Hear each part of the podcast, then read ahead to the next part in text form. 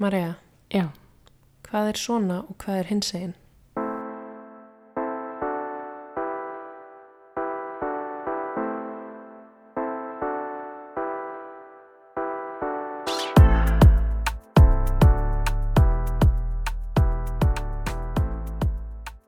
jú, góðan daginn eða kvöldið eða hvað sem klukkan slær hjá þér gerir hlustandi þegar þú ert að hlusta.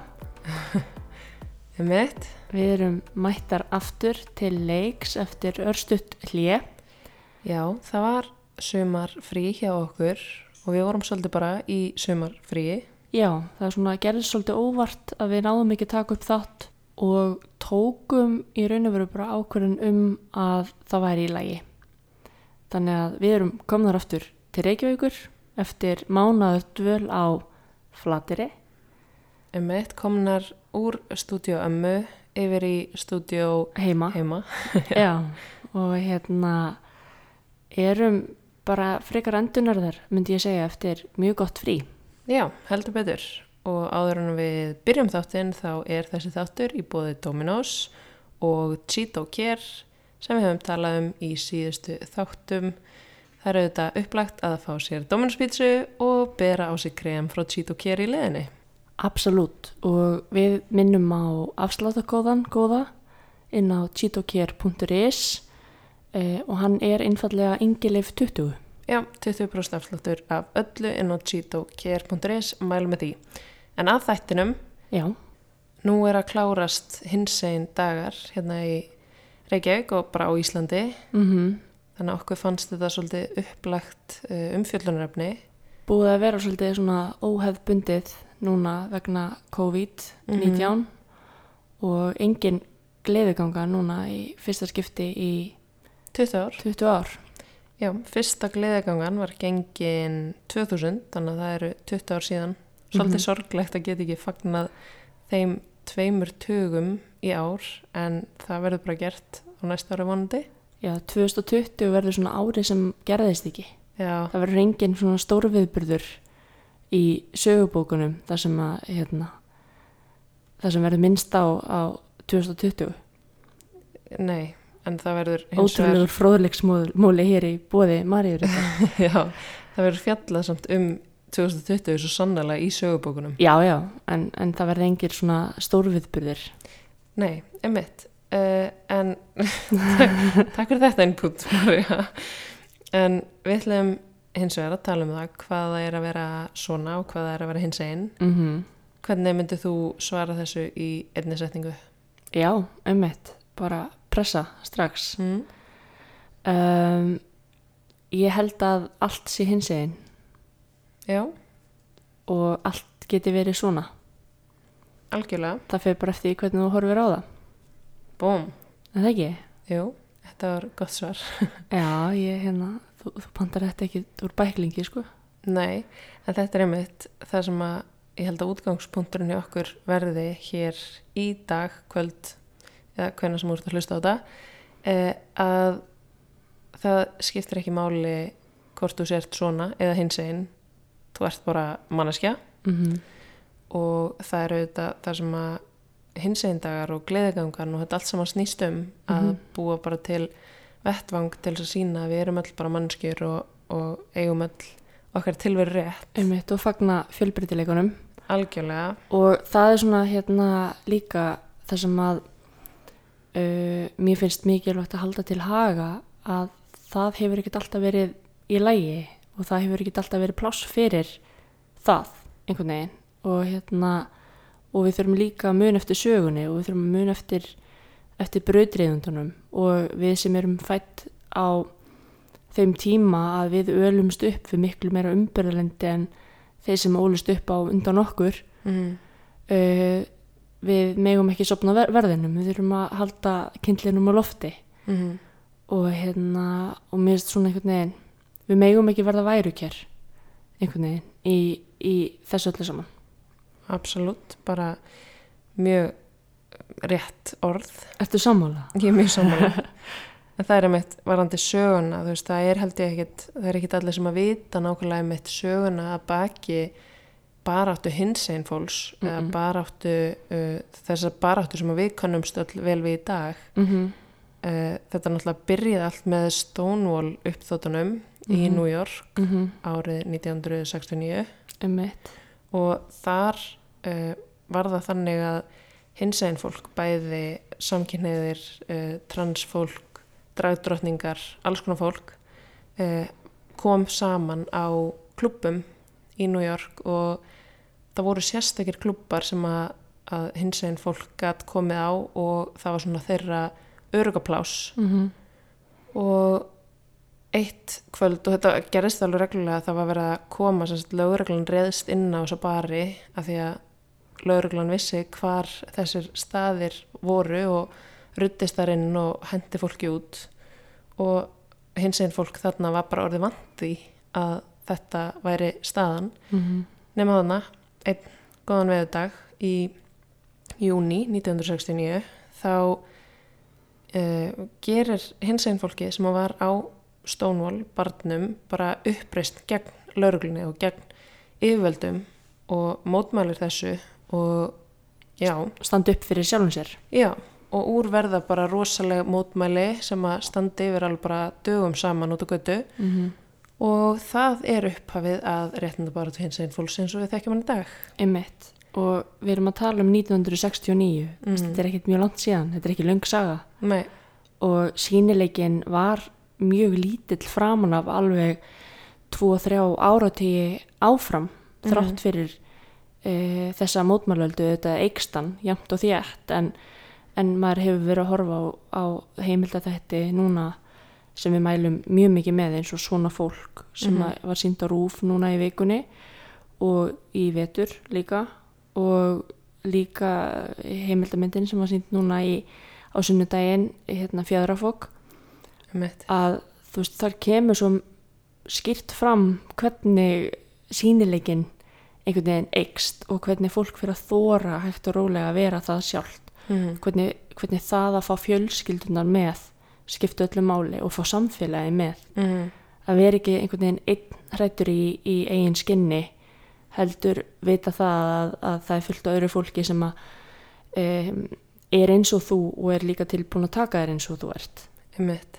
Og þetta er veruleiki sem að veist, við getum svo sem aldrei skilið þar að segja veruleiki þeirra sem á undan okkar, okkur komu og hreinlega bara gátt ekki búið hérna því að uh, það var svo mikil mótstaða við þeirra tilverurétti mm -hmm.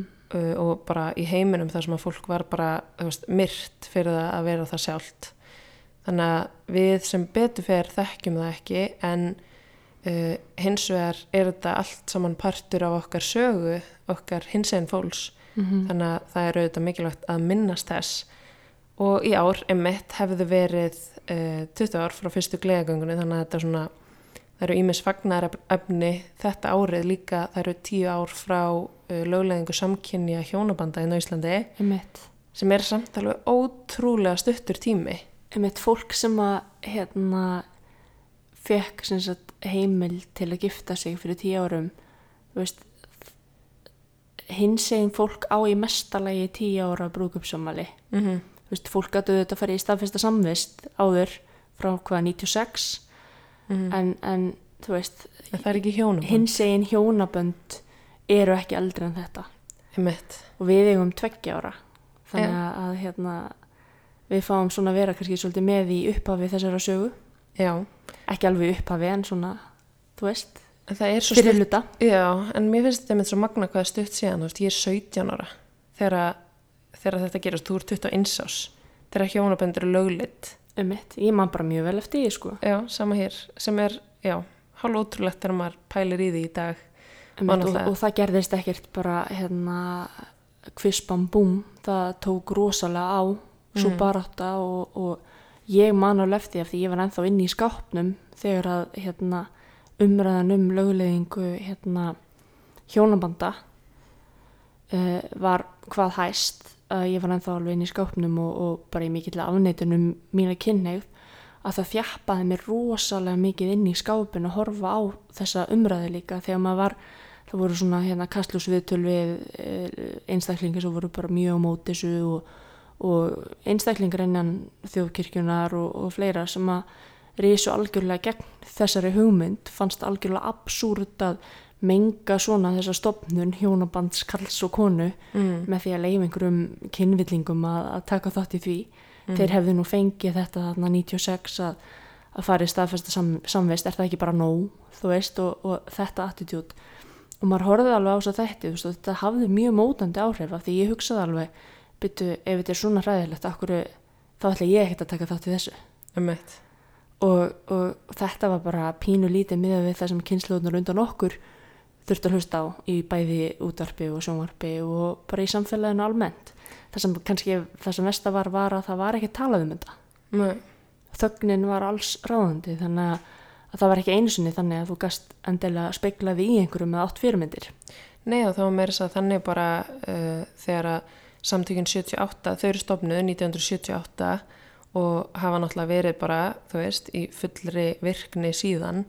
Og það var meira þess að þannig, þú veist, á þeim tíma sem að bara svona fyrsta fólki er ofinberlega að koma fram á sjónasviði hérna á Íslandi sem hinsegin uh, að þá mátti ekki einu svona segja orðin eins og hommi og lesbija í útvarp og sjónvarpi. Veist, þetta voru bannorð þú veist, uh, bara í ríkisútvarpinu og, og, og fleiri stöðum þar sem að það máttir hennilega bara ekki segja þetta því þetta þótti bara svo ljótt og Einmitt og, og, það var alltaf bara að nota kynvillingar yfir, yfir hins eginn fólk.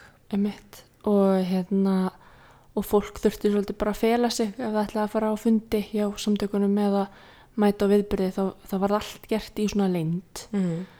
og mm, þetta eru þetta bara svona hluti af sögunni og mjög sár hluti af sögunni. Og þess vegna er ég allan að þeirra skoðanar að við sem einhvern veginn tökum síðan við þessum réttindum sem að annað fólk barðist fyrir og lifum eftir þeim við þurfum að fara mjög vel með það og ekki bara við sem erum hinsinn heldur líka allt samfélagi sem að samþykir það og, og, og er sammála því að, að svona ég heimurinn að vera. Mm.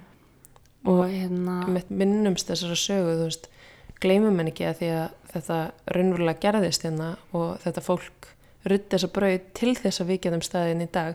Það er ekkit sjálfsagt mál uh, eins og fyrir þessu fólki sem að rutti brautana fyrir okkur það var ekki sjálfsagt mál að við getum staðið hérna í dag giftar, þú veist, með lítið batn og, og annað eldra og bara lifa okkar fjölskyldu lífi hérna mjög ofinberlega Mhm. þú veist, það bara þótti gjörsamlega fjärstaðu kent þannig fyrir 40 30-40 árum. Algjörlega sko.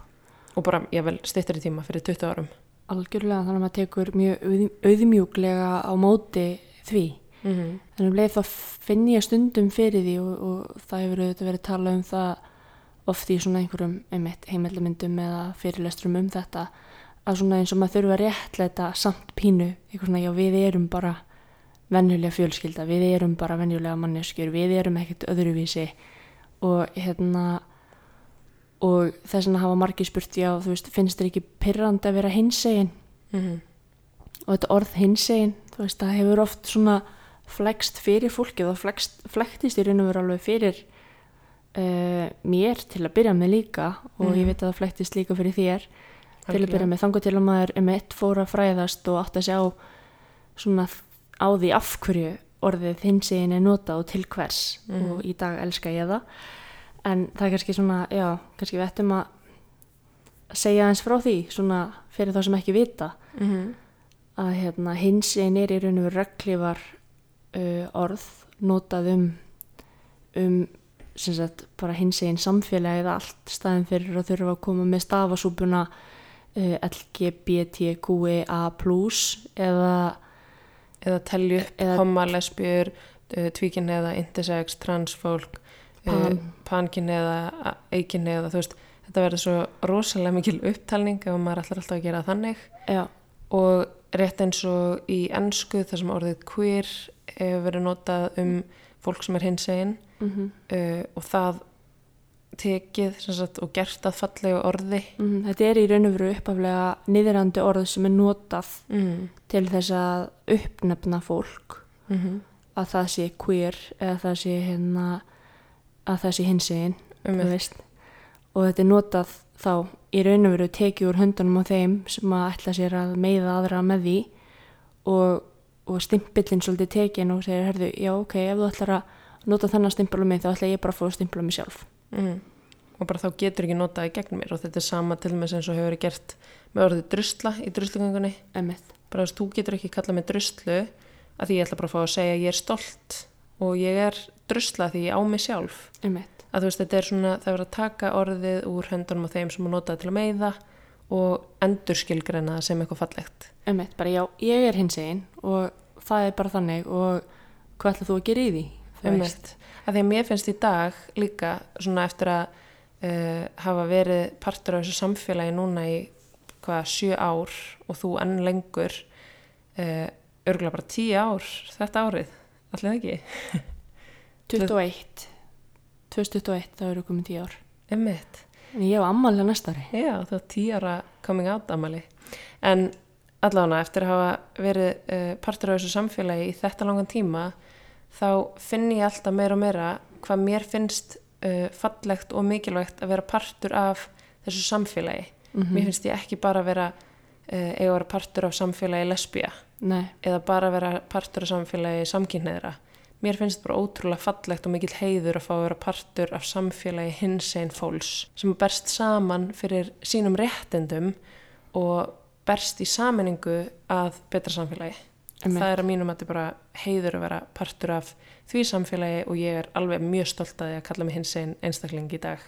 emmett Þannig að mér finnst einhvern veginn, já, grunnurinn að þessu svona að hinsegin líku kannski svolítið þar að þú veist, við erum auðvitað ekkit öðruvísi, við erum ekki uh, neitt ólík neinum öðrum hvað var það einmitt því hvernig við hugum okkar lífi þó svo við elskum manneskja sama kyni eða þó svo að einstaklingur sé trans þá þýðir það ekki að hann sé eitthvað öðruvísi innréttaður en næsta manneskja eða hafi eitthvað rosalega ólík áhugamál eða þú Mhm. veist, við erum langanir eða annað Emmett, þú veist, við eigum öll okkar drauma og þrár og við eigum öll áhuga mál og við glæðjumst og við, þú veist, reyðumst og við grátum og hlæjum og hvað sem það er.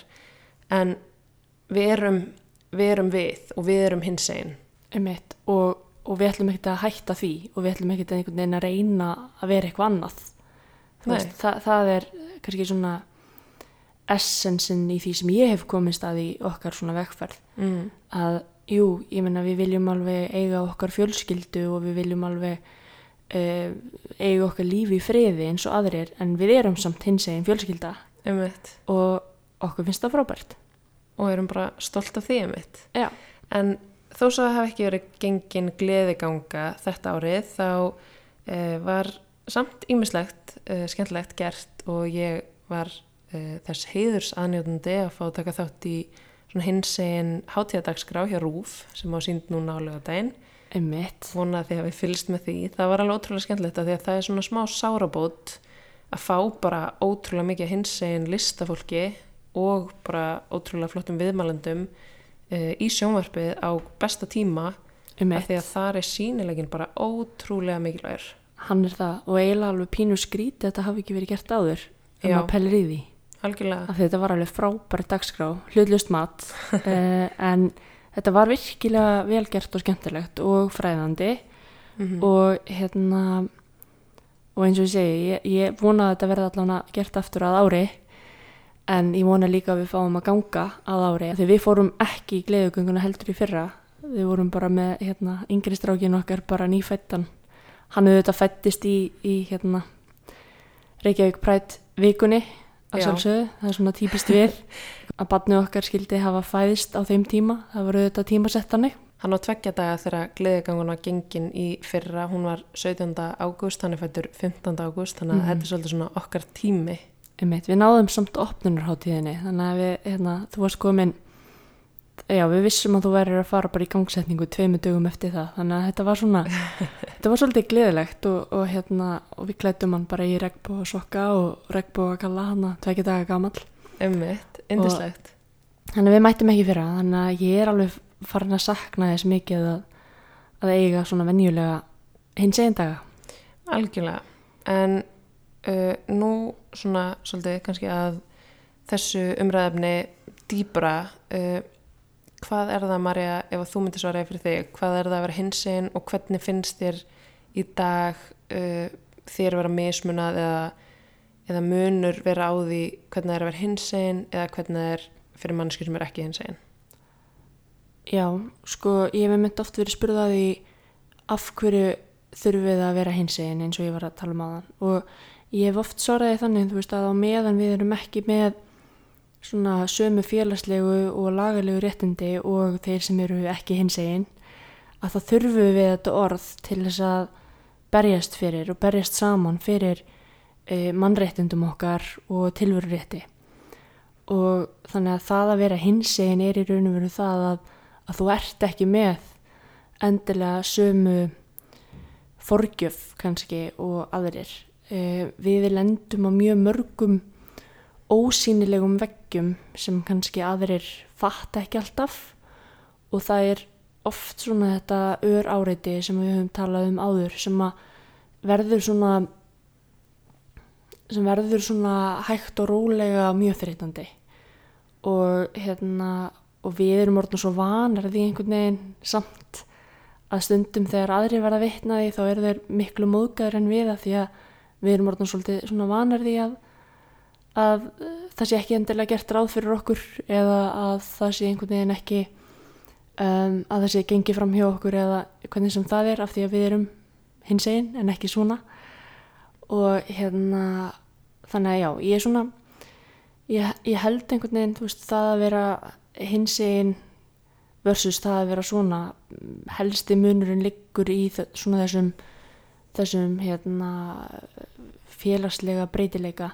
En svo eru þetta alveg ennþá þannig að þó svo að við sem komin mjög langt með lögjumina þá má ennþá bæta einhverja hluti þar. Mm.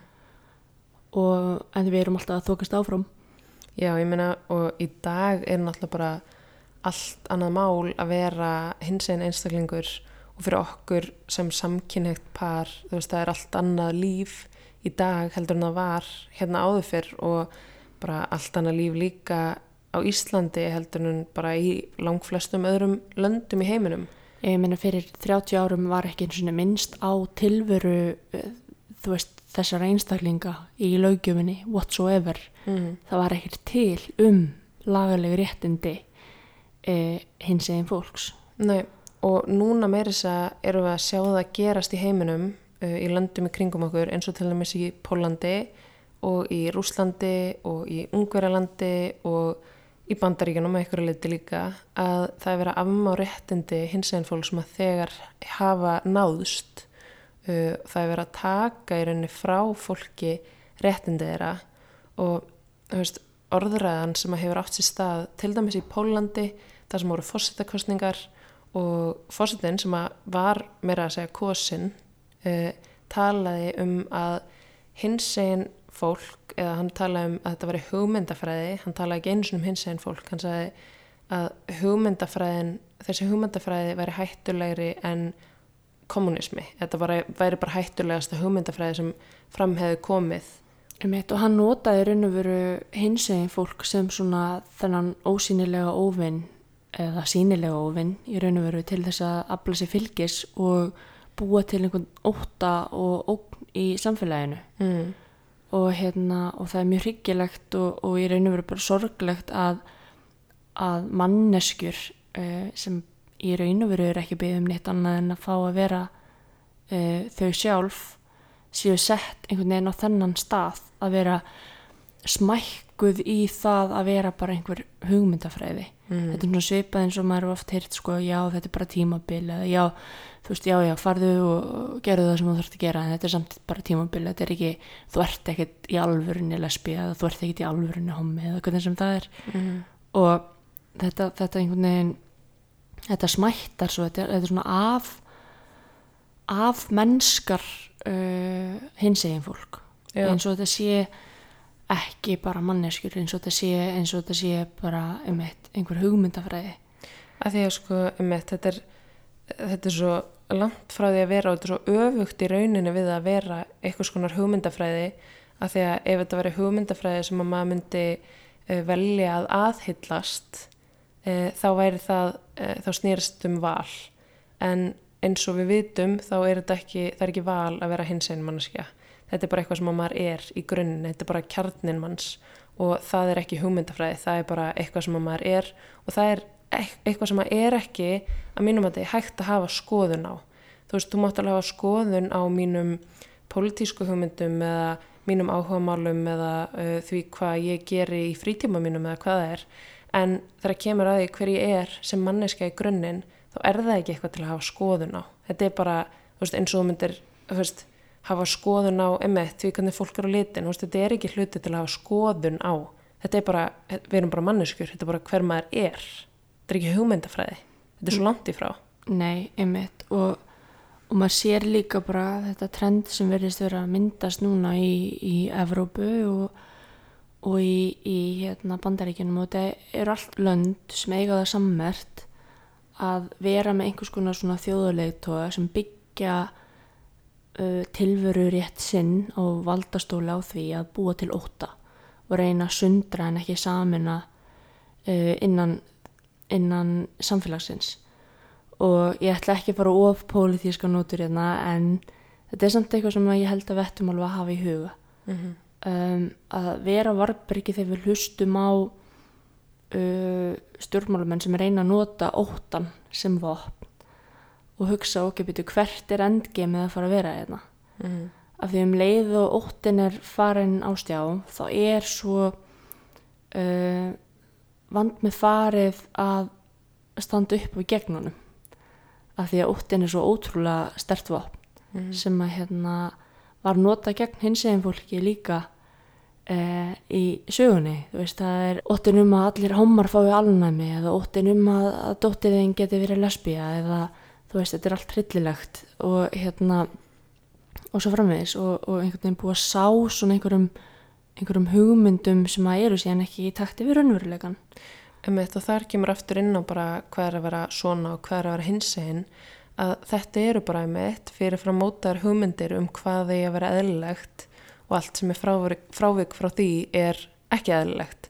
Þess vegna eru við skilgreind sem, þú veist, eitthvað annað en normið Einmitt. og það er auðvitað bara eitthvað sem við komum svolítið inn á líka í síðasta þætti Mm að hérna, veist, hver ákveður þessi norm og hvers vegna er bara eitthvað eitt rétt? Af hverju er eðlilegra að vilja sofa hjá kalli en ekki konu þegar maður er kona? Eða skilur, veist, þetta er allt bara eitthvað svona fyrirfram mótaðar hugmyndir og það er ótrúlega mikið tabú oft að segja þetta upphátt í mann þegar ég var bara í mentaskóla og var að eiga svona alls konar samtöl uh, bara svona um veist vinkonum mín og bara hvað þessi er svo heitur í þessari mynd og bara ég verið til að sofa hjá honum. Og ég kannski á sama tíma hugsa bara já ok, mér finnst reyndar þú veist mótleikonan hans ótrúlega heit og ég fyrir eitthvað til að sofa í henni. En ég þorri ekki einn svona að segja það uppátt og ef ég saði mér þess að bara vá, hún er svo heit. Að ekki sem þá- ríhannu núna? nei, bara almennt, jú, ok, er í hennu nei, hérna, en líka bara almennt, ef að maður eitthvað tímann sagði bara vá, þessi er svo mikið beip eða eitthvað ég man eftir að hafa oft fengið bara svona já, hann mundur samt sofa hjá henni. Einmitt. eins og það væri bara ótrúlega skrítið. Einmitt. og fyrir mig er alveg skrítið þú veist, að vinkona mín vilja sofa hjá kallmanni alveg svo henni finnst skrítið að ég vilja sofa hjá konu, þú veist, þetta er þetta snýstu þetta bara allt um það hvert þitt point of view er skilur Einmitt, hvaðan þú horfir á hlutina. Og þetta er alveg mikið val fyrir okkur eins og þetta er fyrir um, gagkinniðar vinkunum mínar að vera gagkinniðar, skilur þú veist, ég hef alveg sagt við gagkinniðar vinkunum mínar bara myndir þú uh, ímynd, eða þú veist, getur þú ímyndaður að sofa hjá konu? Og þeirra svar hefur yfirleitt verið bara nei, þú veist, ég hef ekki leitt hugan á því. Mm -hmm. og það bara já, settu því mín spór þetta er bara nákvæmlega eins, bara öfugt. Emmett og auðvitað snýst þetta um dýbra en bara sofa hjá fólki. Þetta snýst líka bara um að fá að elska og að fá að, þú veist, verja lífið sinu með einhverjum sem að maður bara getur elskað og getur fundið þessa tilfinningar með. Mm þannig að já, þetta þetta auðvitað bara uh, snýst svolítið um hvaðan maður horfir á hlutina. Einmitt önnur svona mýta eða svona hérna ránkúmynd sem að ég veit að er í enga veginni þekkt við raunveruleikan er oft svona ég mann sérstaklega eins og út á landi þú veist eins og heima og svona þú veist ef þú voru tveir hommar í bænum mm -hmm. fólk skildi ekki okkur þeir væri ekki bara saman Emmett bara þú veist praktikal thinking vissulega en, en svo kannski bara laðast þeir ekkit að hvorum öðrum Nei, menn eins og þú Eða- myndir bara setja tvær gagkinni eða manneskjur sem hafi ég vel ekkit sammeðilegt í Já. sama bæinn bara auðvitað í þið að vera saman. Já, einmitt, bara uh, farið þið og leikið eitthvað, þú veist, en, en þetta er svona oft innfalda og líka hérna, þú veist, svona óttunum að vinkonunum manns haldi þá að maður sé búin að vera skotin í þeim eða eitthvað svona, þú veist, þetta er, Mm. þú veist, hins einn fólk er ekkert kyn óðara en, en, en gagkinnegt fólk, þú veist, Nei. þetta er oft þessi staðalmynd einhvern veginn þú veist, þetta er alltaf, að, þú veist, maður hefur alveg upplefað að þetta er oft látið snúast meir um kynlíf en, en tilveruna, sko Einmitt. og, og þetta snýst ekki bara um það hjá hverjum þú sefur sko. þetta er bara, þetta er svo miklu dýbra en það, eins og varst að segja. Algjörlega. Og auðvitað tegir ánga sína bara mjög víða og mjög djúft hjá Mhm. okkur öllum. En það er einmitt svo hérna, áhugavert í öllu saman og til þess að fara svona úr kannski um, almennum umræðum og niður í svolítið svona persónlegar umræður uh, og svona kannski meira reynslusögur af þessu tæja því þú talaðir um það áðan að að oft eru við svona samdöina ákveðinu svona ör áreiti sem við fyndum fyrir. Mm -hmm. og það þyrti stundum utanakomandi fólk til þess að bara svona, svona já, móðgast fyrir okkar hönd til þess að við föttum að þetta væri svona móðgandi.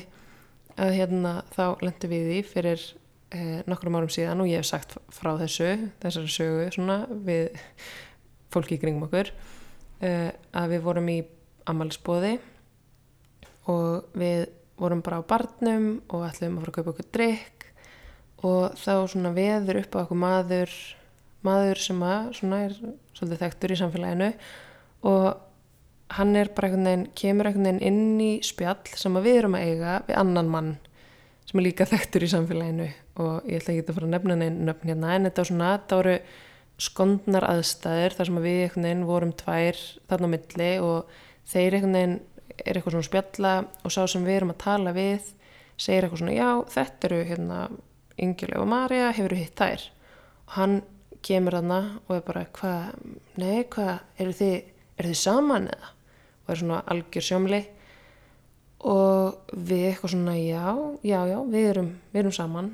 Og hann bara, nú, þá hefur við nú sammeilegt áhagamál og og þetta er svona svolítið rauðið þráðurinn í öllum svona undarlegum samtölum sem við hefum lent í að þetta fer alltaf beinustu leiðin í kynlíf. Einmitt, bara fyrir viðkom eiru þá bara be aware já, fyrir það sem koma skal núna. Emitt bara uh, ef þeir eru yngri en þú veist, ég veit ekki eitthvað, haldið það fyrir eirun ef þú eru börn að hlusta með okkur uh, lækki þá í tækinu. Já, uh, en þarna sem sagt uh, kemur þessi einstaklingur og við erum að tala með um aldrei tala við hann áður á æfinni, þá bara vorum hittast í fyrsta sinn uh, og í frekar dönnuðu bóði Já, bara í flottu bóði, uh, þú veist, allir bara kátir á því.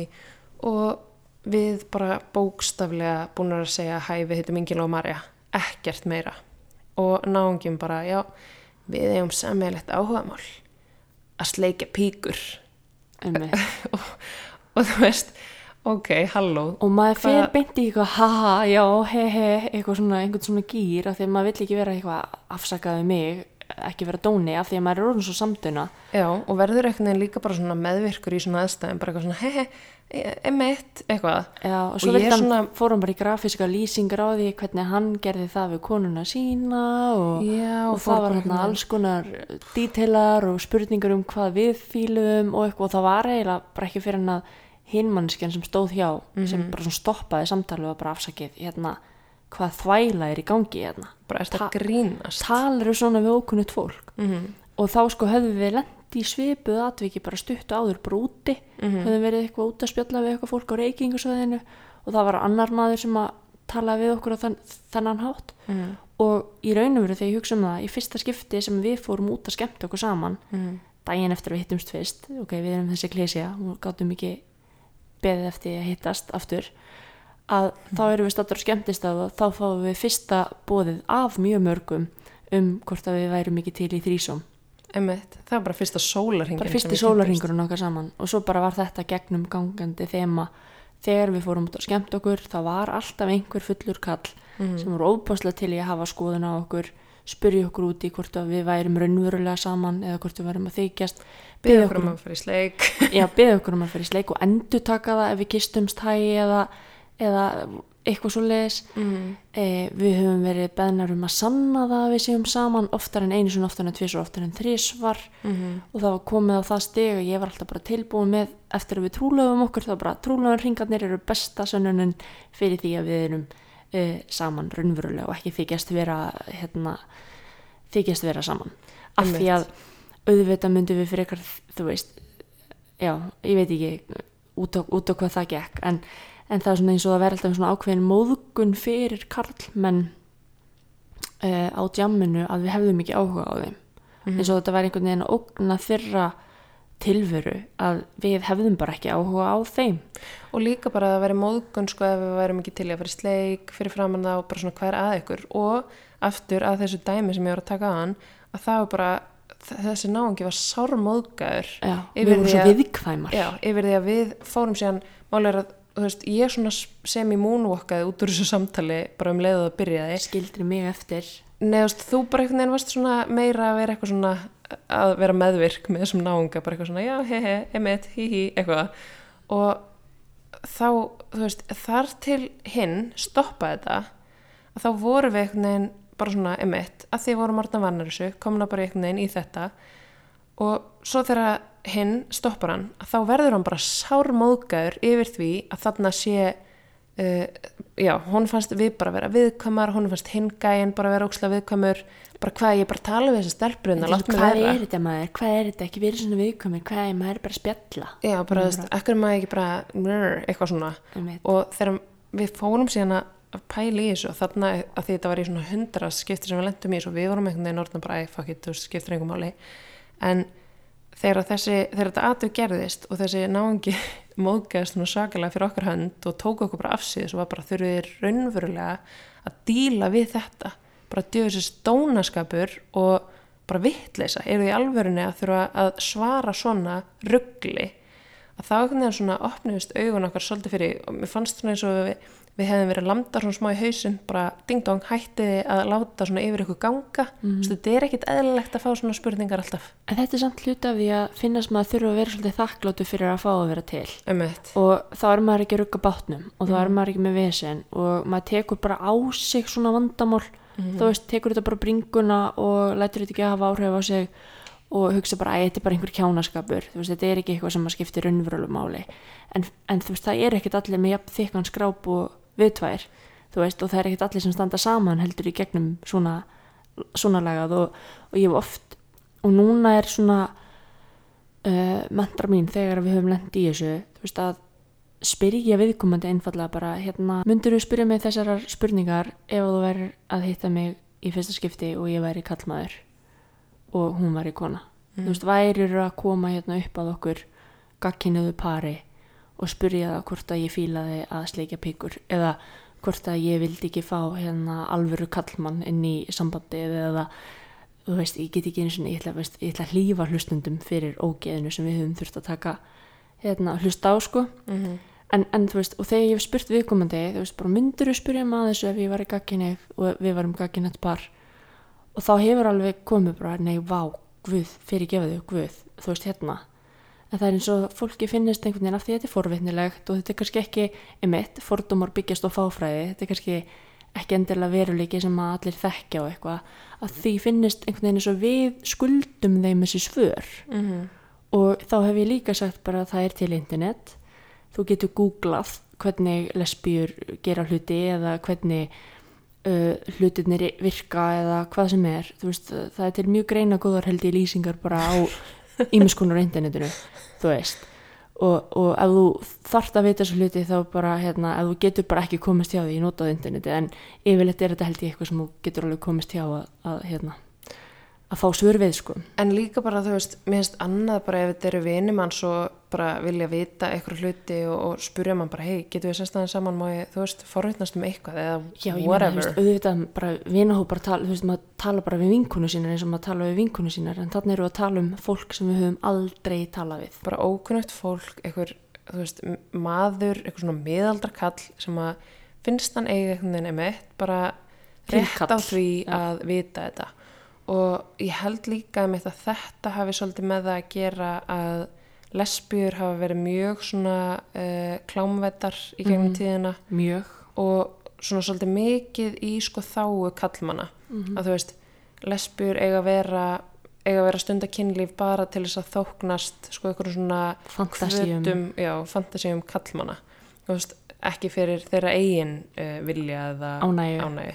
einmitt. þannig að þú veist, ég held að þetta stafi svolítið frá því og, uh, og þetta er emmitt, þegar dæminu snúi við þá kannski fattar fólk bara veist, hlustendur ef að þeir eru að hlusta og eigið eru því gagkinja uh, sambandi eða hjónabandi veist, ég efast um að einhver myndi lappa upp á ykkur og byrja að spyrja bara, hei, hérna hvernig er það, veist fílar það í rassin eða eitthvað skiljið, veist Mhm. þetta eru spurningar sem eru oft bara svona mjög grafískar kynlífs spurningar og það er bara, það er eiginlega bara störtlað að uh, setja sig einhvern veginn emitt, snúa dæminu við af því að ég held bara að ekkert gagkinja par fá einhvern ókunnan upp að sér með svona spurningar og hvað þá bara reglulega. Nei, en svo líka hitt að fólk er rosalega tilbúið að hafa skoðun á okkur. Bara hvernig við lítum út þú veist, við lítum ekki nægilega mikið út eins og lesbíur eða þú veist, það getur ekki verið að við séum lesbíur verandi svona eða hins eginn eða, eða þú veist, hvernig sem það er. Mhm. og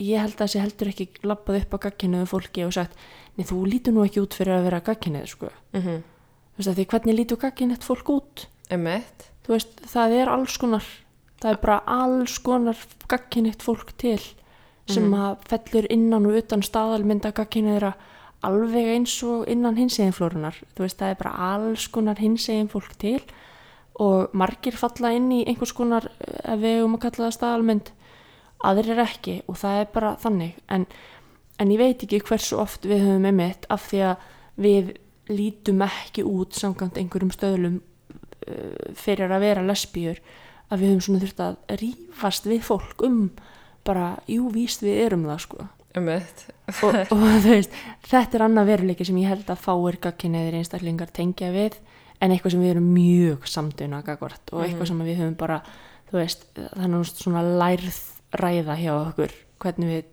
dílum við þetta mm. en þetta, virk, þetta vissulega fylgir mjög mikið skemmtana lífinu og svona rugglinu kannski svolítið kringum það þetta hefur verið hljóðulátara eftir því sem að við eh, eftir því sem að líf okkar fór að róast algjörlega, en þá emitt tóku við svona smá öðruvísi uh, svona duldir fordamar eins og bara í því ferli að eignast börn eins og við tölum um í sensta þetta svolítið -hmm.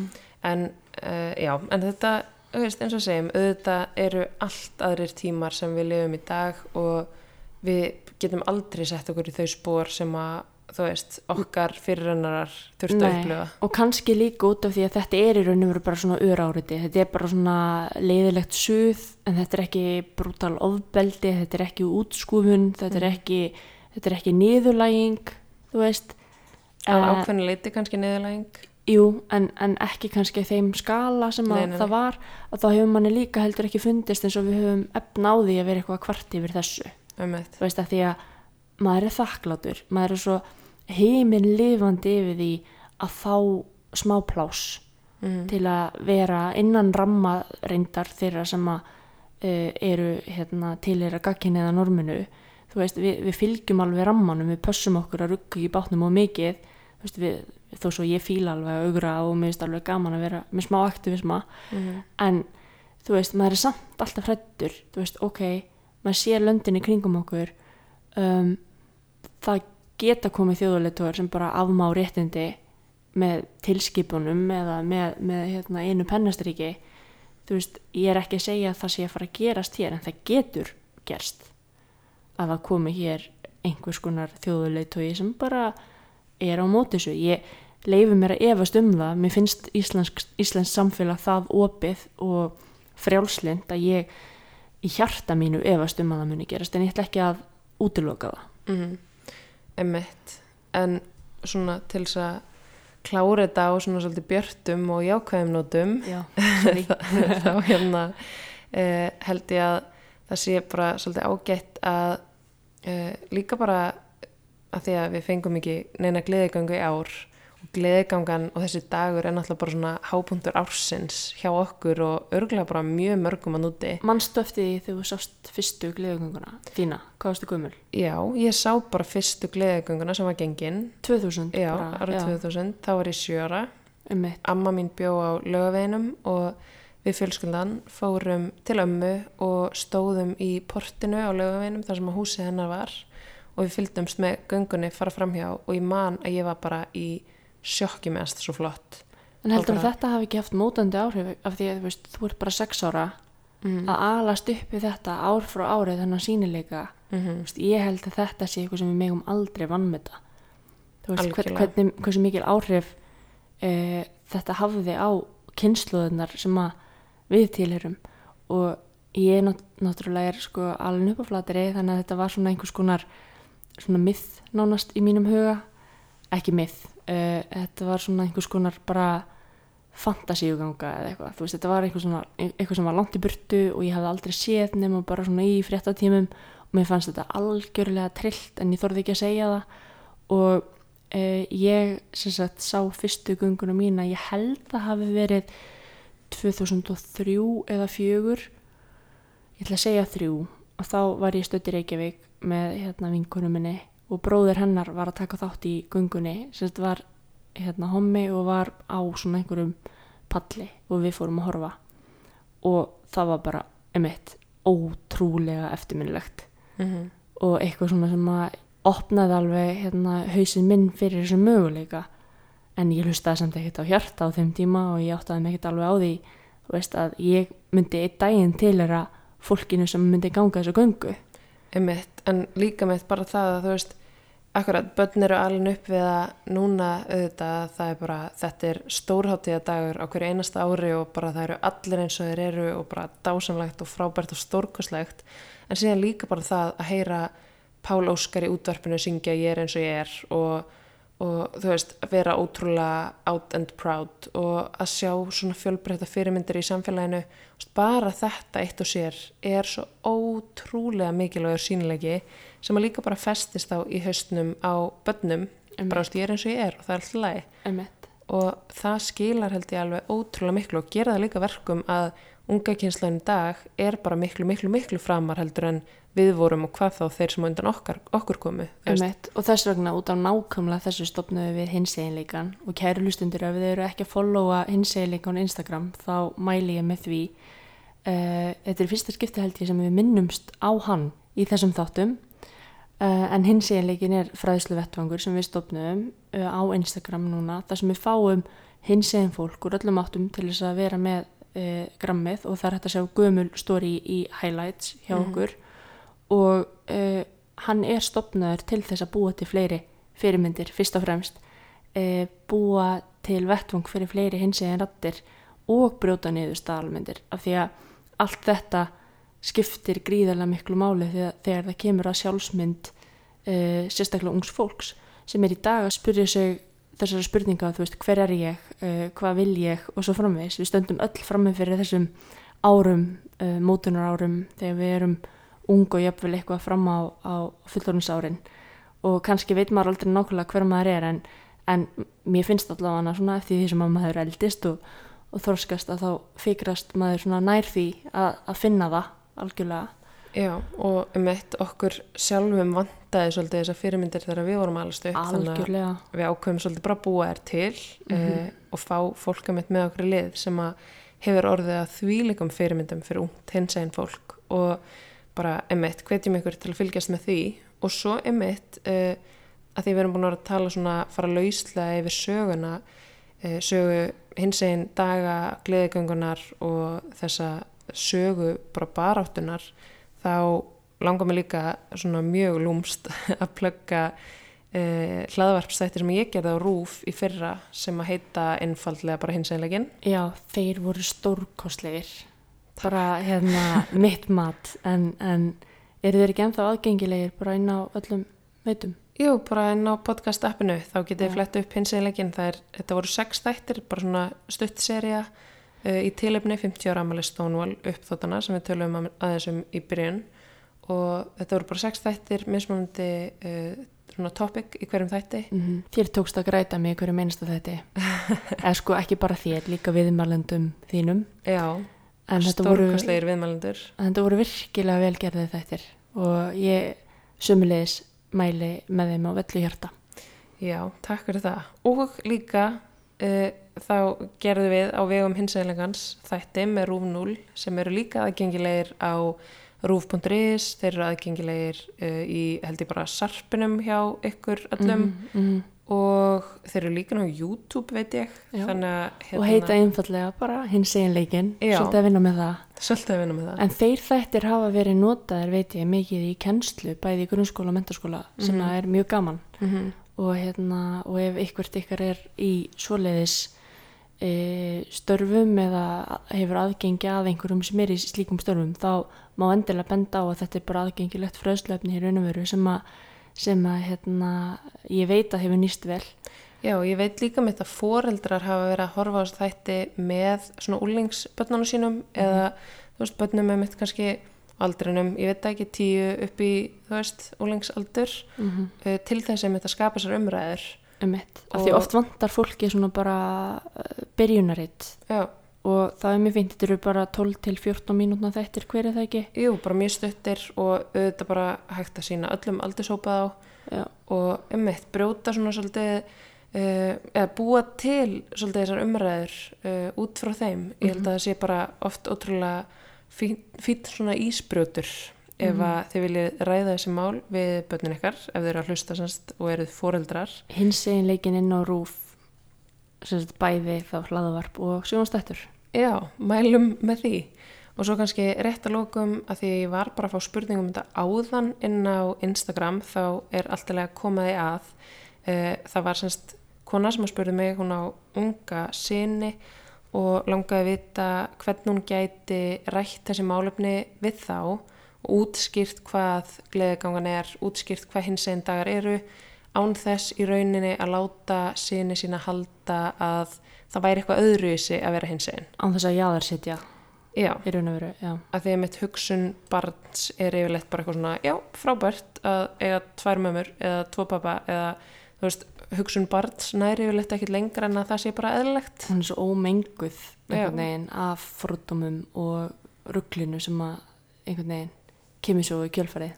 Já, en okkar leið hefur svolítið verið bara, veist, emitt þegar börn eru bara lítil og svo sem þurfa kannski ekki að skilja neitt dýbra, þá er það bara, uh, þá höfum við bara sagt að uh, gleðigangan og hins eginn dagar séu bara til þess að fagna fjölbreytileikanum og því hvað við erum öll ólík og það er kannski svona fyrsta bara uh, útskýringin. Uh, svo þegar að börnin eldast og vilja kannski fá okkur frekari útskýringar, þá getur maður einmitt sagt frá því að uh, þetta sé sérstaklega svona til þess að fagna því að sumur elska þú veist, fólk af sama kyni og að sumum sé útlutað vittlust kyn við fæðingu sumur fæðist svona, sumur fæðist hins einn og ef barn fer að spurja emitt, þú veist, eitthvað svona akkur þurfum við sérstaklega að fagna því eða fer, í eitthvað svona dýpri spurningar að þá hefur okkur bara fundist gott að uh, tala bara um það að einu sinni hafi það verið þannig að það mátti ekki allir elska þann sem þær vildu elska. Og mér finnst það oft svona búa til líka bara umræður uh, sem eru ótrúlega bara góðar og mikilvægar og djúpar að því að barn fer yfirleitt í bara hvað meinar þau, akkur mátti ekki hver sem er bara elska þann sem hann vildi og þá getur maður svona nota svolítið söguna til þess að líka bara uh, uppfræða og halda enn frekar á lofti umræðinni að því að þá sjáum við líka svo svart á hvítu hvað þessi batslega einlægni er falleg að því að börnin skilja ekki hvernig nokkur getur mismunna fólki út frá kynneigð eða kynvitund. Einmitt, þetta minnir mér endar smá á eina sögu sem að mér langar pínu að segja mjög hratt sem er hérna um það þegar við vorum að byrja saman þá vorum við kannski búin að vera ég held kannski hálft ár saman heima hjá bróðinum og, og konun hans nánast bara upp á dag í mat og kaffi og þú veist bara svona fjölskyldu hittingum og þau eiga sem sagt uh, þrjú börn og þessum tíma voru þau hvað 16, 5 og 4 þetta ekki? Mm -hmm. já, eitthvað svo leiðis og sem sagt, stelpan sem er þarna í miðjunni, fimm ára uh, kom einhvern tímann upp á mér þegar að, að við vorum búin að vera saman í þetta langa tíma, einmitt, mjög mikið inn á heimilinu. Og spurði mig hvort ég væri skotin í bróður hennar sem var, var þá 16 ára. Og bara hérna og ég sagði nei, veistu, ég, ég er ekki skotin í honum. Þú veist, það hefði fyrsta lagi verið ólulegt en í öðru lagi þá hérna e, sagði ég við hennar ég væri skotin í þér, yngileg og hún horfði svona á okkur og var bara býtu, ha býtu, má það? Og þá einhvern veginn hafiði hún aldrei einhvern veginn, veist, hún átti ekki hugmyndina í hausnum á sér um það að þetta veri mögulegt. Þannig að hún er- hafði aldrei parað okkur saman af því hún átti ekki átti ekki svo hugmynd. Enda ég mitt bara ekki í neinu sjónasefni eða, eða bókum eða neinu, ég meina þú horfur ekki á Disney mynd og sér tvær prinsessur kissast sko. Nei og það var engin annar í ykkar fjölskyldu út úr skápnum. Þannig að þú veist af hverju ætti hún að, í raun og veru vita það. Mm. og við eitthvað svona segjum eitthvað, já nei ég er skotin yngilif og, og maður sá alveg hvernig hausin hennar veginn bara svona fór á miljón og svo þarna næst þegar við komum í heimsótt þá e, var hún búin að teikna mynd af okkur þar sem við vorum að giftast. Og þar voru við einhvern veginn þarna samankomnar á myndinni og ég stóð við hliðin á þér og þú við hliðin á mér og þú varst ótrúlega falleg í brúðakjól með hérna þú veist, síðahárið og kóronu og ég veit ekki hvað og hvað. Og ég stóð við liðan á þér í jakkafutum með sko pípuhatt og smá skeggrót af því það eru þetta hugmynd barns um giftingu þannig að aftur svona hvernig einhvern veginn hugmyndaheimur barnsins og, og ímyndunarblið einhvern veginn nægir ekkert lengra en það sem að því er kent Mm. Og hérna og ég segi eitthvað svona já, herðu þetta er rosa flott mynd en ég held nú að ég ætli bara líka að vera í kjól. Og hún bara, ha, byrju, má, má það? Og þú veist, aftur sá maður einhvern veginn svona hausinn hennar alveg fara á miljón og þetta var svo áhugavert að fylgjast með þessu ferla því þarna er bara fimm ára batni einhvern veginn átt að sjá þessu möguleika Mm. uh, á mjög bara svona einfaldan hátt. Það var ekkert verið að tróða einhverjum upplýsingum uh, framan í hana heldur bara svona, já, nei, já, þetta er í lagi já, nei, ég ætla að vera svona, já, nei, ég ætla að vera í kjól Mm. bara já, það má þú veist, Já, það er, má. það er bara allt í lagi og þú veist, ég gæti líka bara verið í, í svona jakkafötum ef ég vildi en þú veist, ég, ég held að mér langi frekar að vera í kjól, þú veist og svo hérna greinilega var hún mikið að pæla í þessu svo komum við hérna stuttu setna um eitt við vorum bara byggum sama hverfu á þessum tíma og vorum einhvern veginn mjög mikið í heimsótt þarna og erum enn reyndar og hérna og hún kemur svona askvaðandi að okkur og er bara ok, ég veit hvað þið eruð. Og ég eitthvað, já, hvað, hvað eru við? bara loksins búin að crack bara, the code. þetta var bara svona þú veist, eins og, eins og hún hefði einhvern veginn bara náð utanum bara gátu lífsins. Bara, hún komur löpandi bara yngilega mæja, yngilega mæja ég veit hvað þið eruð. Og ég eitthvað, hva, hvað eru við? þið eru hommar. Og ég eitthvað, ah, sko, nei ok, já, hommar eru sko tveir strákar sem eru saman. En, en við erum og ég var að fara að segja þú veist hvað við erum, þegar hún grýpur orðið á lofti og segir já, ok, byttu þannig að þið eru hommur. Og mér er alltaf fundist mjög gaman að segja hæ, ég heiti hérna Marja og þetta er Ingilöf kona mín og við erum Einmitt. en, en svo út frá þessu, ég menna hún er núna orðið einhvað, þú veist, 12 ára Mhm. og ég menna hún er bara alin upp við þann veruleika, þú veist að Ingilöf og Maja eru hjón, þú veist og það er eiga rökkva og það er eiga þorgir skilur og allt þetta og, og það er bara hluta hennar veruleika þannig að þú veist, ekki einu sinni út frá eftir þetta hefur komið nánast spurning þú veist, um okkar tilveru þú veist, Nei. af því að þetta er bara hluta af raunveruleikanum hennar Nei, mitt og freka bara opna á það bara, já, ok, þannig að ég gæti alveg kannski einhvern tímann orðið skotin í stelpu ef ég vil það. Og það er bara allt í lægi. Og það er enginn að fara að þröngva neittni kynneið upp og neitt. Rétt eins og það er einhver gagkynneður það núti uh, sem að hefur nokkuð tíman á æfinni hitt hins einn mannesku, þá eru viðkomandi ekkit smitaður, sko. Nei, þetta er ekki heimsfaraldur sko, þetta er ekki COVID það þarf ekki andlitskrímu og, og spritt sko Nei, nei, og við erum ekki að smita neitt að neinu og auðvitað bara, þú veist, veit maður það sjálfur að ef að maður er ekki samkynneður þá, uh, þú veist, verður maður það ekkit bara á einni nóttu og ef maður er ekki gagkynneður þá verður maður það heldur ekkit á einni nóttu, veist, þetta er bara, þetta er bara, þetta snýst svo mikið meira um það að tala bara um hlutin og segja bara það er alltaf lægi, af því þá, þá fyrirbyggjum við það að ef að bann síðan er hins einn að það þurfi þá að fara í gegnum langt ferli af því að uh, viðkenna það fyrir sjálfum sér, þóra að viðkenna það fyrir öðrum í kringum sig, að því að þetta er tabú, að því að má ekki tala um þetta. Veist, ef við getum bara frá upphafi einhvern veginn gert öllum ljóst að það er allt í lægi að vera nákvæmlega eins og maður er einmitt, þá spörum við okkur svo mikinn tíma og orku sem að fer bara í ótrúlega mikið hugarangur og bara erfiðleika. Einmitt og bara óhamingju. Um mitt. og þess vegna líka sko, ok, jú, jú, menna þetta er ekki smittandi en ef við með okkar tali eða með gleðugöngunni eða með sínileikanum opnum huga fólks fyrir þessu möguleika þá er það ekkert nema jákvætt. Að því þetta hefur líka alltaf bara, þetta, þetta snýst um að hafa val Um og að hafa val um það að vera maður sjálfur og meðan maður býr í kúðu samfélagi eða samfélagi þar sem að, þar sem að það er ekki val að vera maður sjálfur þá er það ekki e, veist, þá er það ekki opið samfélag mm þannig að þú veist, ef að samfélagi er opið og við höfum actually val raunverulegt val þá er það e, þá leiðir það til þess að fólk finnur sína lífsamingi og sínum forsöndum fyrir sjálft sig. Einmitt, og ef að einhver ungmanneskja fer í gleðugönguna og kemur svo út úr skápnum daginn eftir þá var hún samt alveg í grunninn hins einn og þurfti bara, þú veist, að sjá að það var allt í lægi, hún var ekki að smittast rétt eins og ef við höldum fyrirlestur eitthvað staðar og mánuðið setna kemur einhver af fyrirlesturunum út úr skápnum þá voru við ekki smittað viðkomandi. Sá einstaklingur var bara kannski að sjá, hei, ok, þú veist þetta er ekki döðadómur þetta er í lægi Þetta er ekki hugmyndafræði sem við trúðum hérna, upp á fólk. Nei, rétt eins og þið eruð eflaust ennþá alveg af gagkineið og, og þegar þið byrjuð að hlusta þáttinn ef þið eru gagkineið og ef þið eruð hinsegin þá eruð þið eflaust alveg af hinsegin og þið voruð þegar þið byrjuð að hlusta þáttinn. Einmitt. Þannig að á þeim nótum held ég bara að við förum að segja bless í byli Já, og við lofum ykkur að vera með ykkur í næstu ykkur líka. já, við látum ekki degan síga. Við, hérna, við erum komnar til að vera allavega í byli á meðan við nennum.